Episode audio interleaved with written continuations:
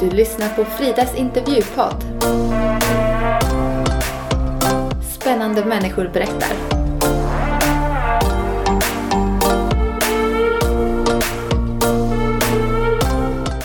Nu ska ni få lyssna till en gripande livsberättelse om Abby som växte upp i en fattig familj i Etiopien. De var så pass fattiga att mamman var tvungen att lämna bort sina barn en dag. Och som fyra år så blev hon såld till att arbeta som slav hos en annan familj. I tio års tid blev hon misshandlad och fick bo ensam i ett skjul. Och full av hat och bitterhet kom hon mirakulöst till Sverige som 15-åring. Psykologerna sa att hon var ett hopplöst fall, men idag arbetar hon och hennes man i Etiopien och hjälper fattiga kvinnor och barn där. Jag kan inte beskriva med ord, alltså den här mottagande på Arlanda jag varit med om. Jag tänkte, oh my god, jag drömmer, jag drömmer. Man såg, man kände, mamma pussar, alla gråter och de är så glada se mig. Och det var första mötet? Det var mitt första möte och eh, jag gråter alltså idag. Så stark den där för mig. Hej och välkommen Abby! Tack! Jag blev ju så nyfiken på dig när jag fick din bok av en vän. Och vi har ju faktiskt boken här. Din bok heter ju Abby, fyra år och slav. Vad var det som fick dig att, att skriva den här boken? Ja, jag hade historia att berätta. Det negativa kan bli något positivt av. Och och, och sen många människor har verkligen uppmuntrat mig att komma med en bok och så. Därför. Och vi ska ju prata mer om den här under intervjun. Så jag är jätteglad att du har skrivit den här. Jag tror att den betyder väldigt mycket för många och särskilt de som känner sig igen sig i din situation också. Ja, just det. Du fick ju lite kaffe här och hur smakade det? Ja, jag tycker det är riktigt gott. Den är lagom min smak alltså. Ja. Bra gjort. Tack. Jag kände att det var lite bävande att göra kaffe till en etiopisk kvinna. Ja. För ni har ju fin kaffekultur. Absolut. Det ska man inte ha bråttom när man ska dricka kaffe i Etiopien. Alltså det är en hel ceremoni och man kokar på samma sump flera gånger. Och jag tycker det som första alldeles för stark för min smak. Andra är okej. Okay. Tredje är det godaste jag vet. Okej. Okay. Ja. Hur många gånger kan man koka på samma sump? Tre gånger kan man koka. Ja. Då sitter man och pratar och, och har verkligen tid med varandra. Och så. Uh, tyvärr, det gör också folk kommer för sent till sitt jobb och grejer, skola eller vad det är. Så kaffet är så gott som man kommer för sent liksom? Ja. Har du något favoritkaffe? Eh, det, det finns olika ställen där växer kaffe i Etiopien och Ouallaga kaffe där jag är född. Eh, den, den tycker jag är god. Det växer där. Häftigt. Ja. Mm. Och du var ju ganska nyligen på en resa till Etiopien. Ja, precis. Vill du berätta lite vad du gjorde där? Eh, där var jag så besökte ju det här arbetet eh, vi har den i Etiopien. Där vi tränar fattiga kvinnor med lite enkla handarbete och baka och sy och hur, hur frisyrutbildning och så. Eh, och sen har vi 140 40 fadderbarn har vi som vi söker faddrar här i Sverige och så ger vi ett barn till faddrarna. De hjälper de barnen att gå i skolan och att mammorna har mat på borden till barnen och så. Barnen är hos sina föräldrar om de har föräldrar eller hos anhörig eller mormor, morfar eller så här då. Där ser vi till att barnen ska växa med sin anhörig. Det är min vision eh, att barnen ska inte behöva separera sig från sin mamma eller anhörig som ger dem kärlek och omsorg. Mm, så viktigt. Ja. Den där fick inte jag det, därför blev det som det blev i mitt liv då. Så Och vi kan ju prata lite om, om ditt liv också, Abby. För de som ännu inte har läst boken, vi tipsar ju såklart om att göra det. Absolut. Men vi kan få en liten försmak. Hur växte du upp? Jo, det är så här att eh, vi är tre syskon. Mamma, pappa och eh, vi var lyckliga upp tills jag var fyra år gammal då. Eh, vi visste inte att vi var fattigast i byn alltså. Pappa var, går till jobbet och kommer hem med mjöl och mamma lagar den här, eh, bakar den här injeran som vi äter i Etiopien. Eh, och så hade vi kärlek från mamma och pappa och vi visste inte att vi var fattiga, vi barn då. Eh, det var lycklig upp tills jag var fyra år. Eh, mamma och pappa som älskade oss. Och sen eh, min pappa blev sjuk och han dog. Eh, där blev det fullständig förändring för min mamma. Han lämnade tre små barn med mamma som inte har jobb då. Och mamma försökte som ta hand om oss på något sätt. Hon försökte hitta jobb och hon försökte tigga och då hon fick hon dela med oss barnen och ibland bara grät hon och vi förstod inte. Uh, till slut tog hon min lilla syster och lämnade henne på ett missionsstation till några svenska läkare som jobbar där. Och sen gick hon gråtande och, och sen min bror som är tre år äldre än mig hamnade på barnhem. Och eh, till slut jag var kvar hos min mamma sist. Vad kände du då?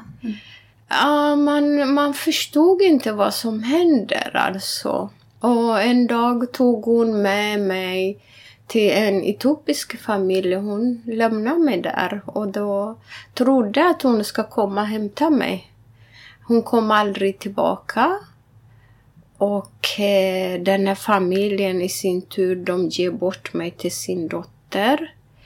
Där eh, börjar min mardröm då, hos den här familjen. Mm.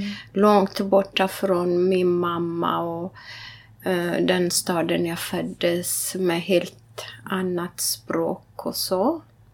Så vad jag inte visste var att eh, vi, jag och min bror trodde att pappa ska komma tillbaka. Eh, de hade inte berättat för oss att han är borta för alltid. Och eh, vi skulle ordna fest när pappa kom tillbaka. Vi drömde och vi planerade och så här. Då. Mm. Men när jag hamnade hos den här familjen, jag tror fortfarande pappa har kommit tillbaka kanske. Men eh, jag fick veta att man inte kommer tillbaka när man dör. Det var fruktansvärt sorg. Eh, det hopp som hade bara spolats bort och det var hemskt att höra alltså. Mm. Jag var fyra år gammal alltså. Mm. Mm. Och eh, det är sorg. Ja. Och där började ju en hemsk resa för dig också väldigt, väldigt tidigt i ditt liv. Ja. Eh, vad var det för typ av familj du kom till? De här familjen är militärfamilj. De, de jobbar inom polis och ja. Och sen vid den tiden är väldigt tufft. Eh, Etiopien har blivit kommunistiskt och ja, de är hårda människor alltså. Allt, ja, jobbigt. På vilket sätt märktes det? Nej men eh, de är oftast arga och, och de slog mig och och jag fick veta uh, senare varför hon slog mig. Det var inte för att jag gjorde fel. Hon är tvungen att reagera av sig på någon. När det har varit jobbigt på jobbet, då är det mig hon kommer och bara uh, ösa sin ilska på. Du skriver ju i din bok att du, du fick ju inte bo inne i huset. Mm. Det var ju, jag fick ligga utanför en skjul då. Eh, det var ju inte trevligt, eh, ensamt och mörkt och, Och då låg jag på jordgolv och med vävd säck. Man kände sig fram till den här säcken och låg där och man är rädd ofta. Och, och man börjar tänka och undra varför mamma har gjort detta mot mig. Jag trodde inte att hon älskar mig och jag är oönskad barn, trodde jag. Mm. Och eh, då började jag hata min mamma så mycket. Mm. Det, det är som jag var för på något sätt smutsigt för dem att ligga samma hus som dem. Och de tillät dig ju inte att gå i skolan heller. Nej. Men vill du beskriva hur en vanlig dag såg ut? Vad gjorde du då? Ja, det var arbeta, städa, tvätta, diska, laga mat och passa barn. Eh, som barn man drömmer ju att när alla barnen går till skolan med sina föräldrar, tänk, man önskar sig en av dem. Och, och eh, jag verkligen ville gå i skolan. Jag var ganska påhittig också. Så här, och de eh, går till arbetet klockan åtta på morgonen. Eh, då lämnar de sina två barn och mig hemma. Instruerar dem vad jag ska göra och så. Och eh, när de går till sitt jobb och tar jag med mig barnen till en någon slags förskola kan man säga. Man sitter under ett träd och en gammal gubbe som lär barnen bokstäverna. bokstäverna. Och eh, jag tog barnen med mig och varnade dem att de inte säger ett ord till föräldrarna. Den här är våran hemlis och vi ska gå i skolan och inspirera dem. Och eh, jag tog dem dit och sa jag till den här gamla mannen att vi får börja i din skola för våra föräldrar. Och så de betalar när månaden är slut, sa jag. Han var jätteglad. Tre nya elever och inkomst och så. Och eh, jag fick gå varje morgon dit och sen ska klockan eh, 12 mitt på dagen ska hem då med barnen och snabba på att jobba. De kommer klockan fyra hem då och gör mina sysslor och så här och när de kommer hem allting okej. Okay. Och, eh, och det gick månaden slut och gubben ville ha pengarna. Jag sa det, två månader ska de betala på en gång, nästa månad har de lovat, sa jag. Och han trodde på mig. Jag förstår inte hur han kunde göra. och, och eh, ja, jag lärde mig 180 bokstäver eh, på två månader. Fantastiskt. Ja, det var så roligt. Ja. Och sen en dag träffade han då den här kvinnan på gatan och frågade henne, henne om sina pengar. Hon blev, nej men jag förstår inte vad du pratar om, jag har inga barn hos dig. Jo, dina barn har gått här i två, två månader. Då var ju stackars mig då, då bara slängde hon mig på en cementgolv och tog en tjock ved och bara dunkade på ryggen på mig och jag jag tänkte så här, jag låg där, jag bara skulle aldrig sätta min fot i den skolan, bara hon slutade slå mig. Och sen gjorde jag inte mera. Men eh, efter ett tag eh, det blev det att eh, kommunismen eh, bara gjorde lag att alla människor, unga, gamla, spelar ingen roll, de ska gå i skolan, att de ska lära sig att läsa och skriva. Mot sin vilja, de satte mig i skolan. Vid den här tiden var jag nio år gammal då. Började ettan där och mm. det var så roligt. Det var det var helt fantastiskt att eh, gå i skolan och ja, då vet man han leka och man hann göra sina läxor och hemma hinner jag inte göra. Och, ja, det var det bästa jag visste att gå i skolan. Det är min viloplats några timmar. Mm. Tänk vilken, vilket annorlunda liv du har levt. Och Ja. Barn kanske i Sverige tänker att det är ett jobb att gå till skolan. Ja, och där var det som vila för dig. om man Ja, jämför det med helt hade fantastiskt. Ja. Ja. Och sen när jag var så duktig också i skolan. Jag kom med bästa betyg och... Men eh, ja. Ja. Jag tycker att du beskriver det så fint i din bok. eh, Du kunde inte riktigt visa de här fina betygen för någon. Ja, de eh, brydde sig inte om det. Varje år när man fick sin sista betyg och hoppas på att de ska se, för att deras barn gick i privatskola. De är inte så jätteduktiga. Och jag gick allmän skola med 60-70 elever i en klass. Jag menar, lärarna hinner inte med hjälpa alla elever. Och, och eh, ändå jag var så duktig i klassen, bäst i klassen alltså. Och jag ville att de ska fråga mig hur det har gått för mig och så här. Och alltid stolt över min betyg och så. Men de har aldrig brytt sig om att fråga så här. Och, eh, Men du visade ju dina betyg för Gud. Ja. Eh, det var så här, jag var så lycklig över den betygen. Det var absolut det bästa. Jag och en kille som tävlar med varandra alltså. Om man blev bäst första terminen, jag bara gör allt jag kan andra terminen ska vara bäst då. Denna gången fick jag det bästa betyget och sen eh, hoppades de att de ska fråga mig men de brydde sig inte om. Och eh, där gick jag i min skjul och satte mig i mörker där och så lyfte jag upp den här betyget och bara visade Gud, det är bara du och jag som är glada över den här betygen. Tack för att du hjälpte mig. Det, var, det, var, det kändes som att jag berättade för någon. Det kändes att han var stolt över mig och han också glad på något sätt. Det kändes gott i hjärtat. Och, Ja. Hade du en, en självklar gudstro när du var liten? Nej, jag hade inte det. Um, jag har ju längtan alltså, men jag, jag visste ingenting om Gud och ingen hade berättat för mig. Eh, Etiopien är ju ett religiöst land och det är mycket kyrkbyggnader. Eh, ja, och eh, jag var nio år gammal och började bara fundera över eh, Gud och så här. Och, och sen började jag be bara. Jag bad bara enkel bön.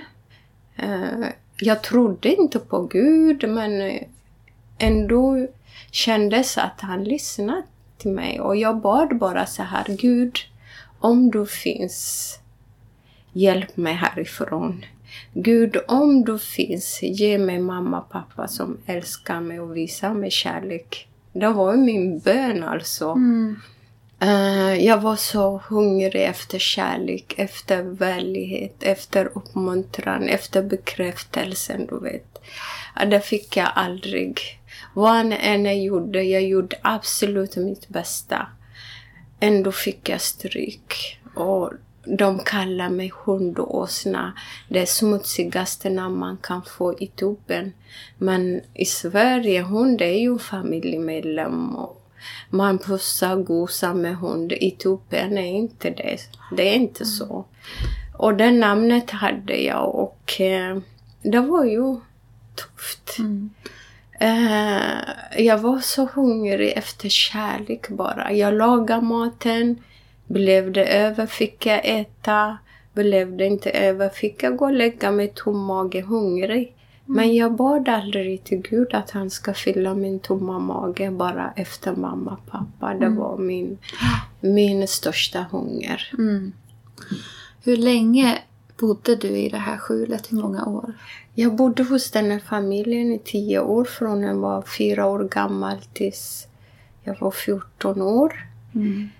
Eh, min mamma dog när jag var 12 år gammal. Jag har ingen sån känsla för henne. Eh, jag bara hatar henne. Jag tänkte det är hennes fel att jag hamnat här. Mm. Så. Hur kom du till slut därifrån? Det var så här att det hände en grej som inte fick hända. Det är sommarlov. Etiopien är vinter när det är sommar här i Sverige. Det är nu det vinter där och eh, jag skulle göra massa grejer hos den här familjen och eh, jag var stressad och jag gick och städade. På golvet ligger en klänning som går sönder. Mm, en parfymflaska som under klänningen. Den går sönder. Och eh, jag sitter och rostar kaffe över en öppen eld. Och kvinnan var redan arg men den här gången var absolut hemskaste jag har sett. Hon var, hon var otäckt i ansikten, arg och ilsken och jag kan inte beskriva med ord alltså. Hon bara tar ett brinnande ved och börjar slå mig med den. Då bestämde jag mig, jag måste bara därifrån. Och jag lämnade då var du 14 år? Ja, då var 14 år.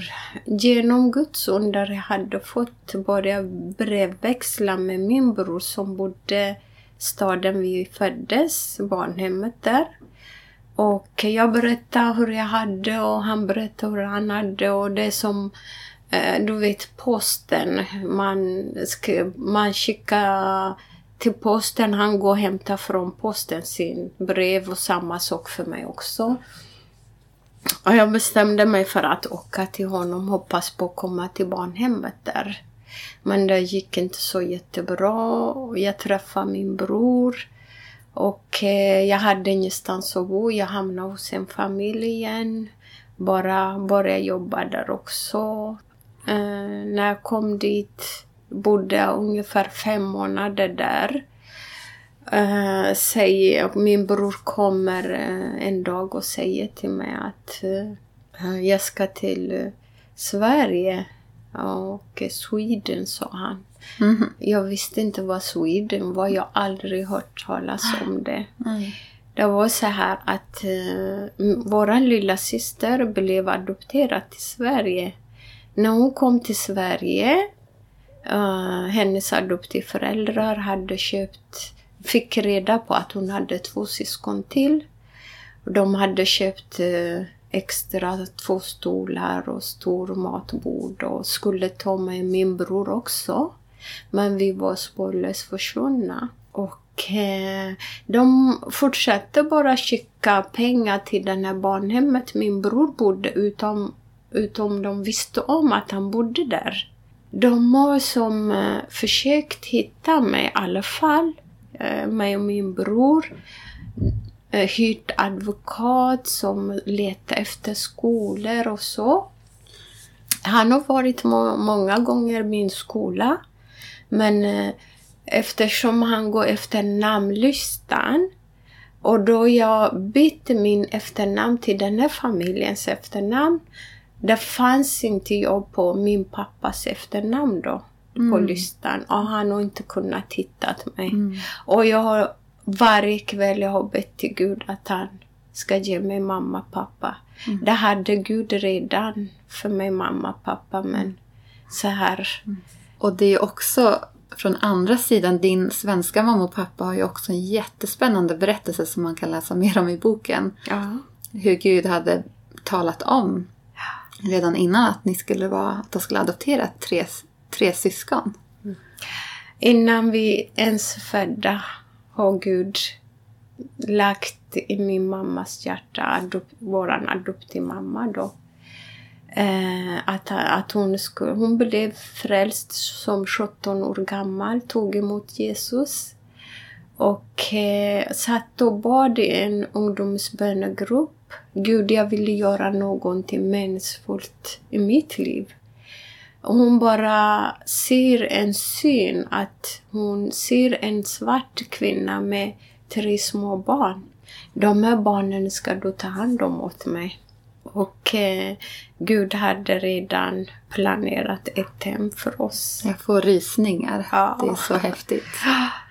Sen längtade de ju och försökte ju verkligen hitta er sen när, alltså, när de ja. hade eran, din lilla syster. Ja, de, sen hon kom bara gjorde allt för att hitta oss. Och, och Hur hittade de er till slut? Eh, den här eh, advokaten då, via honom hittar de och då ringer advokaten till det här barnhemmet min bror bor, får tag på honom och eh, undrar om han hört någonting från mig.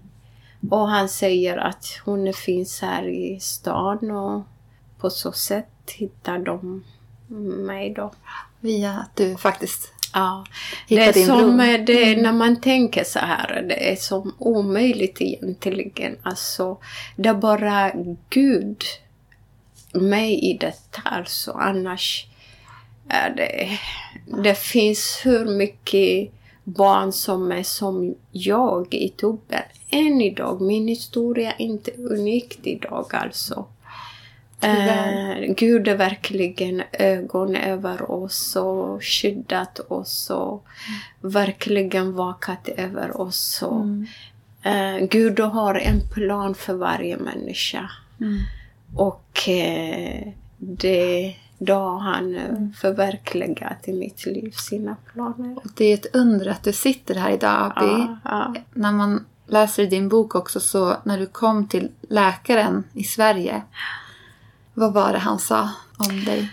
Alltså, jag var ju trasig som en människa. Alltså, jag var full av fruktan, bitterhet, besvikelse, full av hat. Människor som har misshandlat dig i tio års tid. Va? Du gjorde ditt bästa men du fick bara stryk, hugg och slag. Och både fysiskt och psykiskt. Och så. Jag var så trasig. Eh, mina föräldrar såg det att jag var skadad då. Och på röntgen så syntes det också. Ja, precis. De tog mig till läkare. De skulle på något sätt få bekräftelse hur gammal jag är. Eh, Man ser på skelettet och så här. Då hade jag slagmärke i varenda benbit jag har märke. Bara 10 centimeter på armen som visar sig som hel. Och den här eh, röntgenbilden gjorde mig bara förstärkte mitt hat. Alltså, och eh, ja, de tog mig till psykologer och fick fråga råd vad de ska göra med mig. Och, och psykologen säger att jag var ett hopplöst fall. Det går inte att göra något åt det. Men visa henne kärlek och bara bry om henne och så. Min, mina föräldrar och alla mina syskon bara öste kärlek över mig. Och, och det har hjälpt mig verkligen bli kunna älskad och så. Mm, fantastiskt. Ja. Den kärleken som du bad om. Ja, verkligen. Mycket mer än vad jag kunnat och be och önska. Mycket, mycket. Jag kan inte beskriva med ord. Alltså den här mottagande på Arlanda jag varit med om. Jag tänkte, oh my god, jag drömmer, jag drömmer. Man såg, man kände, mamma pussar, alla gråter och de är så glada att se mig. Och det var första mötet. Det var mitt första möte och eh, jag gråter alltså idag. Så stark den där för mig. Och eh, det var helt fantastiskt. Ja, det var mycket mer än vad jag kunde be om önska, men Gud gav mig så. Eh, så ja, Man, det var helt fantastiskt. nu gråter både du och jag här snart. Ja, Att det är en gripande, gripande livsberättelse du har, Abby. Och denna trasiga 14-åring på Arlanda. jag var hade 15 år när jag 15 kom år. till Sverige då. Jag.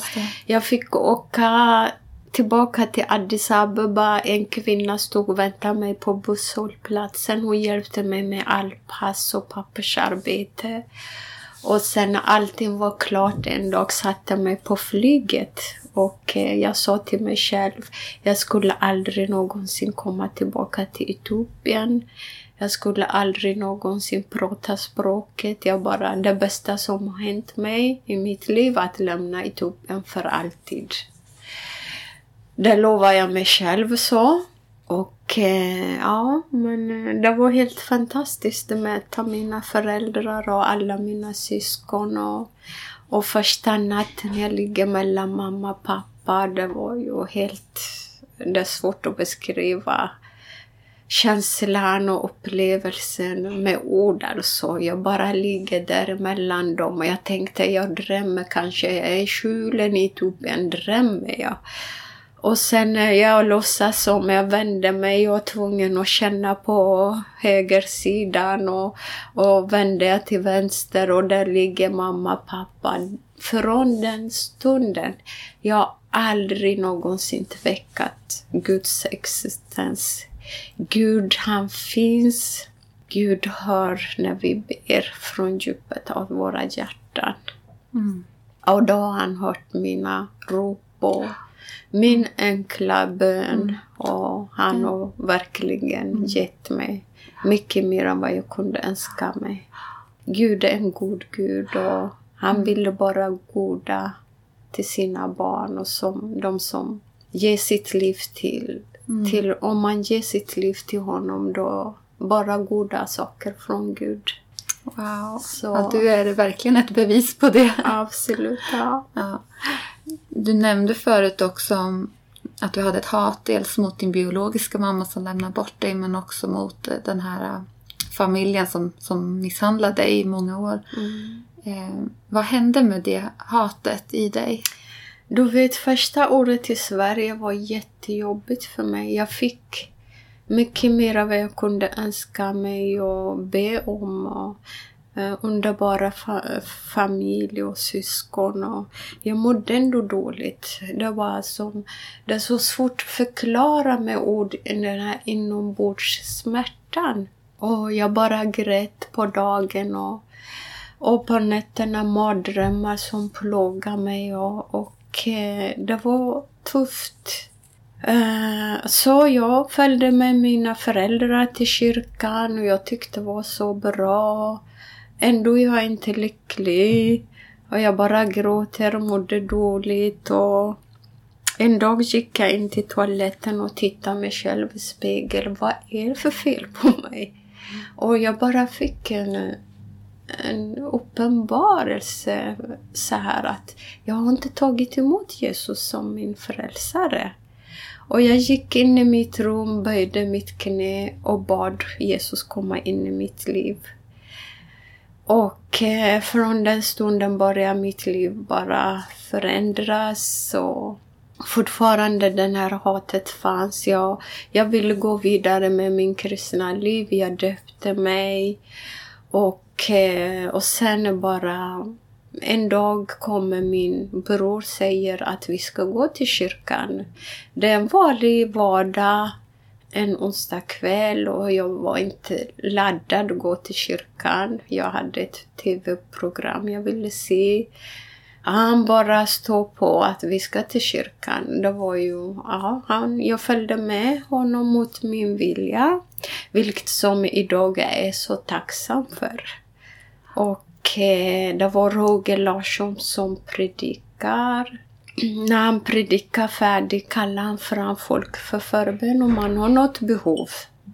Och där kom jag inte på själv, men min bror ledde mig fram för förbönen. Och Roger Larsson började be för mig och började tala saker och ting som jag aldrig nämnt för människor. Eh, bara för dig, att du ska veta Gud som talar till dig ikväll, säger han då. Ja, du har suttit i skjulen i Etiopien och sagt si och så. Bland annat var ju min betyg då. Och sagt detta. Och så under tiden han ber för mig, jag får en fråga i hjärtat. Abbi, vad vill du göra med ditt liv? Vill du hata, ge igen, må dåligt, att människor ska tycka synd om dig? Eller vill du förlåta ha det liv jag har för dig framför. Det var inte så så enkelt att bara säga ja, men jag kan förlåta då. Det var jättesvårt. Jag bara tänkte min barndom. Jag bara gick tillbaka och bara tänkte, finns det något som har hänt mig som är roligt? Det är bara tråkigt elände. Och så tänkte jag mig framför, det finns liv att leva för framför. Och bara säger i mitt hjärta, Gud, jag vet inte hur det ska gå. Jag kan inte göra mig själv. Hjälp mig förlåta. Och så när jag gör den här besluten, jag bestämmer, jag vill förlåta. Och så säger Herren, säger han, han börjar profetera över mig. Idag jag ska rycka rotet av hat från ditt hjärta, säger Herren. Jag ska lägga min kärlek i ditt hjärta. Från den kvällen mitt liv fullständigt förvandlad. Och jag och min bror och, åker hem och berättar och jag går och lägger mig ensam. Utan mardröm sover jag en hel natt. Dagen efter jag vaknar, det finns ingen smärta. Det var helt, helt fantastiskt. Jag säger eh, att jag förlät det absolut bästa medicinen jag har valt hela mitt liv det fungerar än idag ja. att kunna förlåta. Det, det var nyckeln till min frihet. Mm. Att jag förlät de här människorna som gjort mig ja. illa. Min mamma fick jag veta när jag kom till Sverige att hon gjorde detta för att, att, jag inte skulle, att vi skulle inte dö. För att hon inte hade något. Hon var fattig, hade inget jobb. Hon tvungen ge bort oss till de som har någonting. Mm. Att vi kanske mm. överlever. Min mamma dog när jag var 12 år gammal. Jag tror hon dog av sorg. En kvinna som hade en familj, lycklig en dag. Bara helt plötsligt stod hon där ensam. Jag tror hon mm. dog av mm. sorg och så. Mm. Ja. ja, vad starkt Abby att allt du har gått igenom när, när andra har gjort orätt mot dig och ändå så förlät du och det satte dig fri. Verkligen. Ja, ja. det var fantastiskt. Ja. Tänk att man skulle gått mot dåligt hela livet. Den människa som har skadat dig, hon tänker inte på det. Hon lever sitt liv. Hon mår inte dåligt. Och du, hela ditt liv blir förstört. Det är, det är så fantastiskt. Mm. Kunna förlåta bara leva vidare ja. lyckligt liv. Mm. Mm. Och nu, inte bara att ditt liv har blivit bra, utan du får hjälpa andra i din situation i Etiopien idag. Ja, mm, jag har flyttat tillbaka till Etiopien, bott i 15 år där och, och byggt ett arbete för fattiga kvinnor och barn.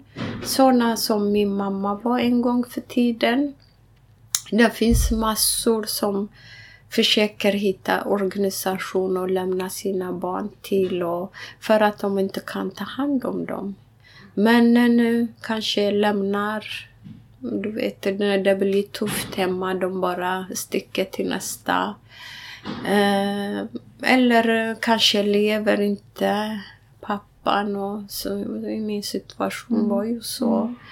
Och hade någon hjälpt min mamma hon skulle aldrig någonsin ge bort oss. Mm. Så. Yes. Nu blev så bra för oss eh, alla tre barnen. Vi blev adopterade till samma familj. Eh, men eh, ja, vi har åkt tillbaka. Jag har ett arbete som heter Familj Merciaus. Visionen att hålla familjen ihop mm. och hjälpa dem där, komma in och mm. hjälpa dem. Mm.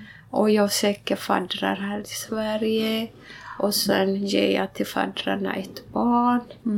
Så viktigt arbete. Ja. Och eh, att få hålla ihop familjer också. Där du fick se din familj splittrad men sen att du faktiskt fick nya föräldrar men också fick vara med dina biologiska syskon. Det är ja, helt otroligt. Ja, det är fantastiskt. Om det är någon av er som lyssnar på det här och känner att oj, jag skulle vilja vara med och hjälpa i Etiopien. Eh, hur kan man göra det på bästa sätt tycker du? Leta Family Mercy House. Men din hemsida heter alltså familymercyhouse.org. Ja, precis. Mm. Mm. Abby, är det något sista som du vill säga till lyssnarna? Förlåtelse kan sätta människor fri. Va? Eh, det, det ordet är till och med för små barn är svårt när barn bråkar. Säg förlåt. Nej, säger de. Mm. Eh, vi vuxna också såna här. Men jag kan inte förlåta den. Den har gjort och så så. Men det är mycket bättre kunna förlåta, bara gå fri. Mm. Man kan bli bunden av oförlåtet och bara gå och må dåligt. Jag bara rekommenderar Ja. pröva. Den det. bästa medicinen som du sa. Absolut, ja. Ja. Den, eh, den är fantastisk. Abby, tusen tack att du har berättat din berättelse med oss. Tack så mycket för att jag fick komma. Med. Det var en ära. Tack.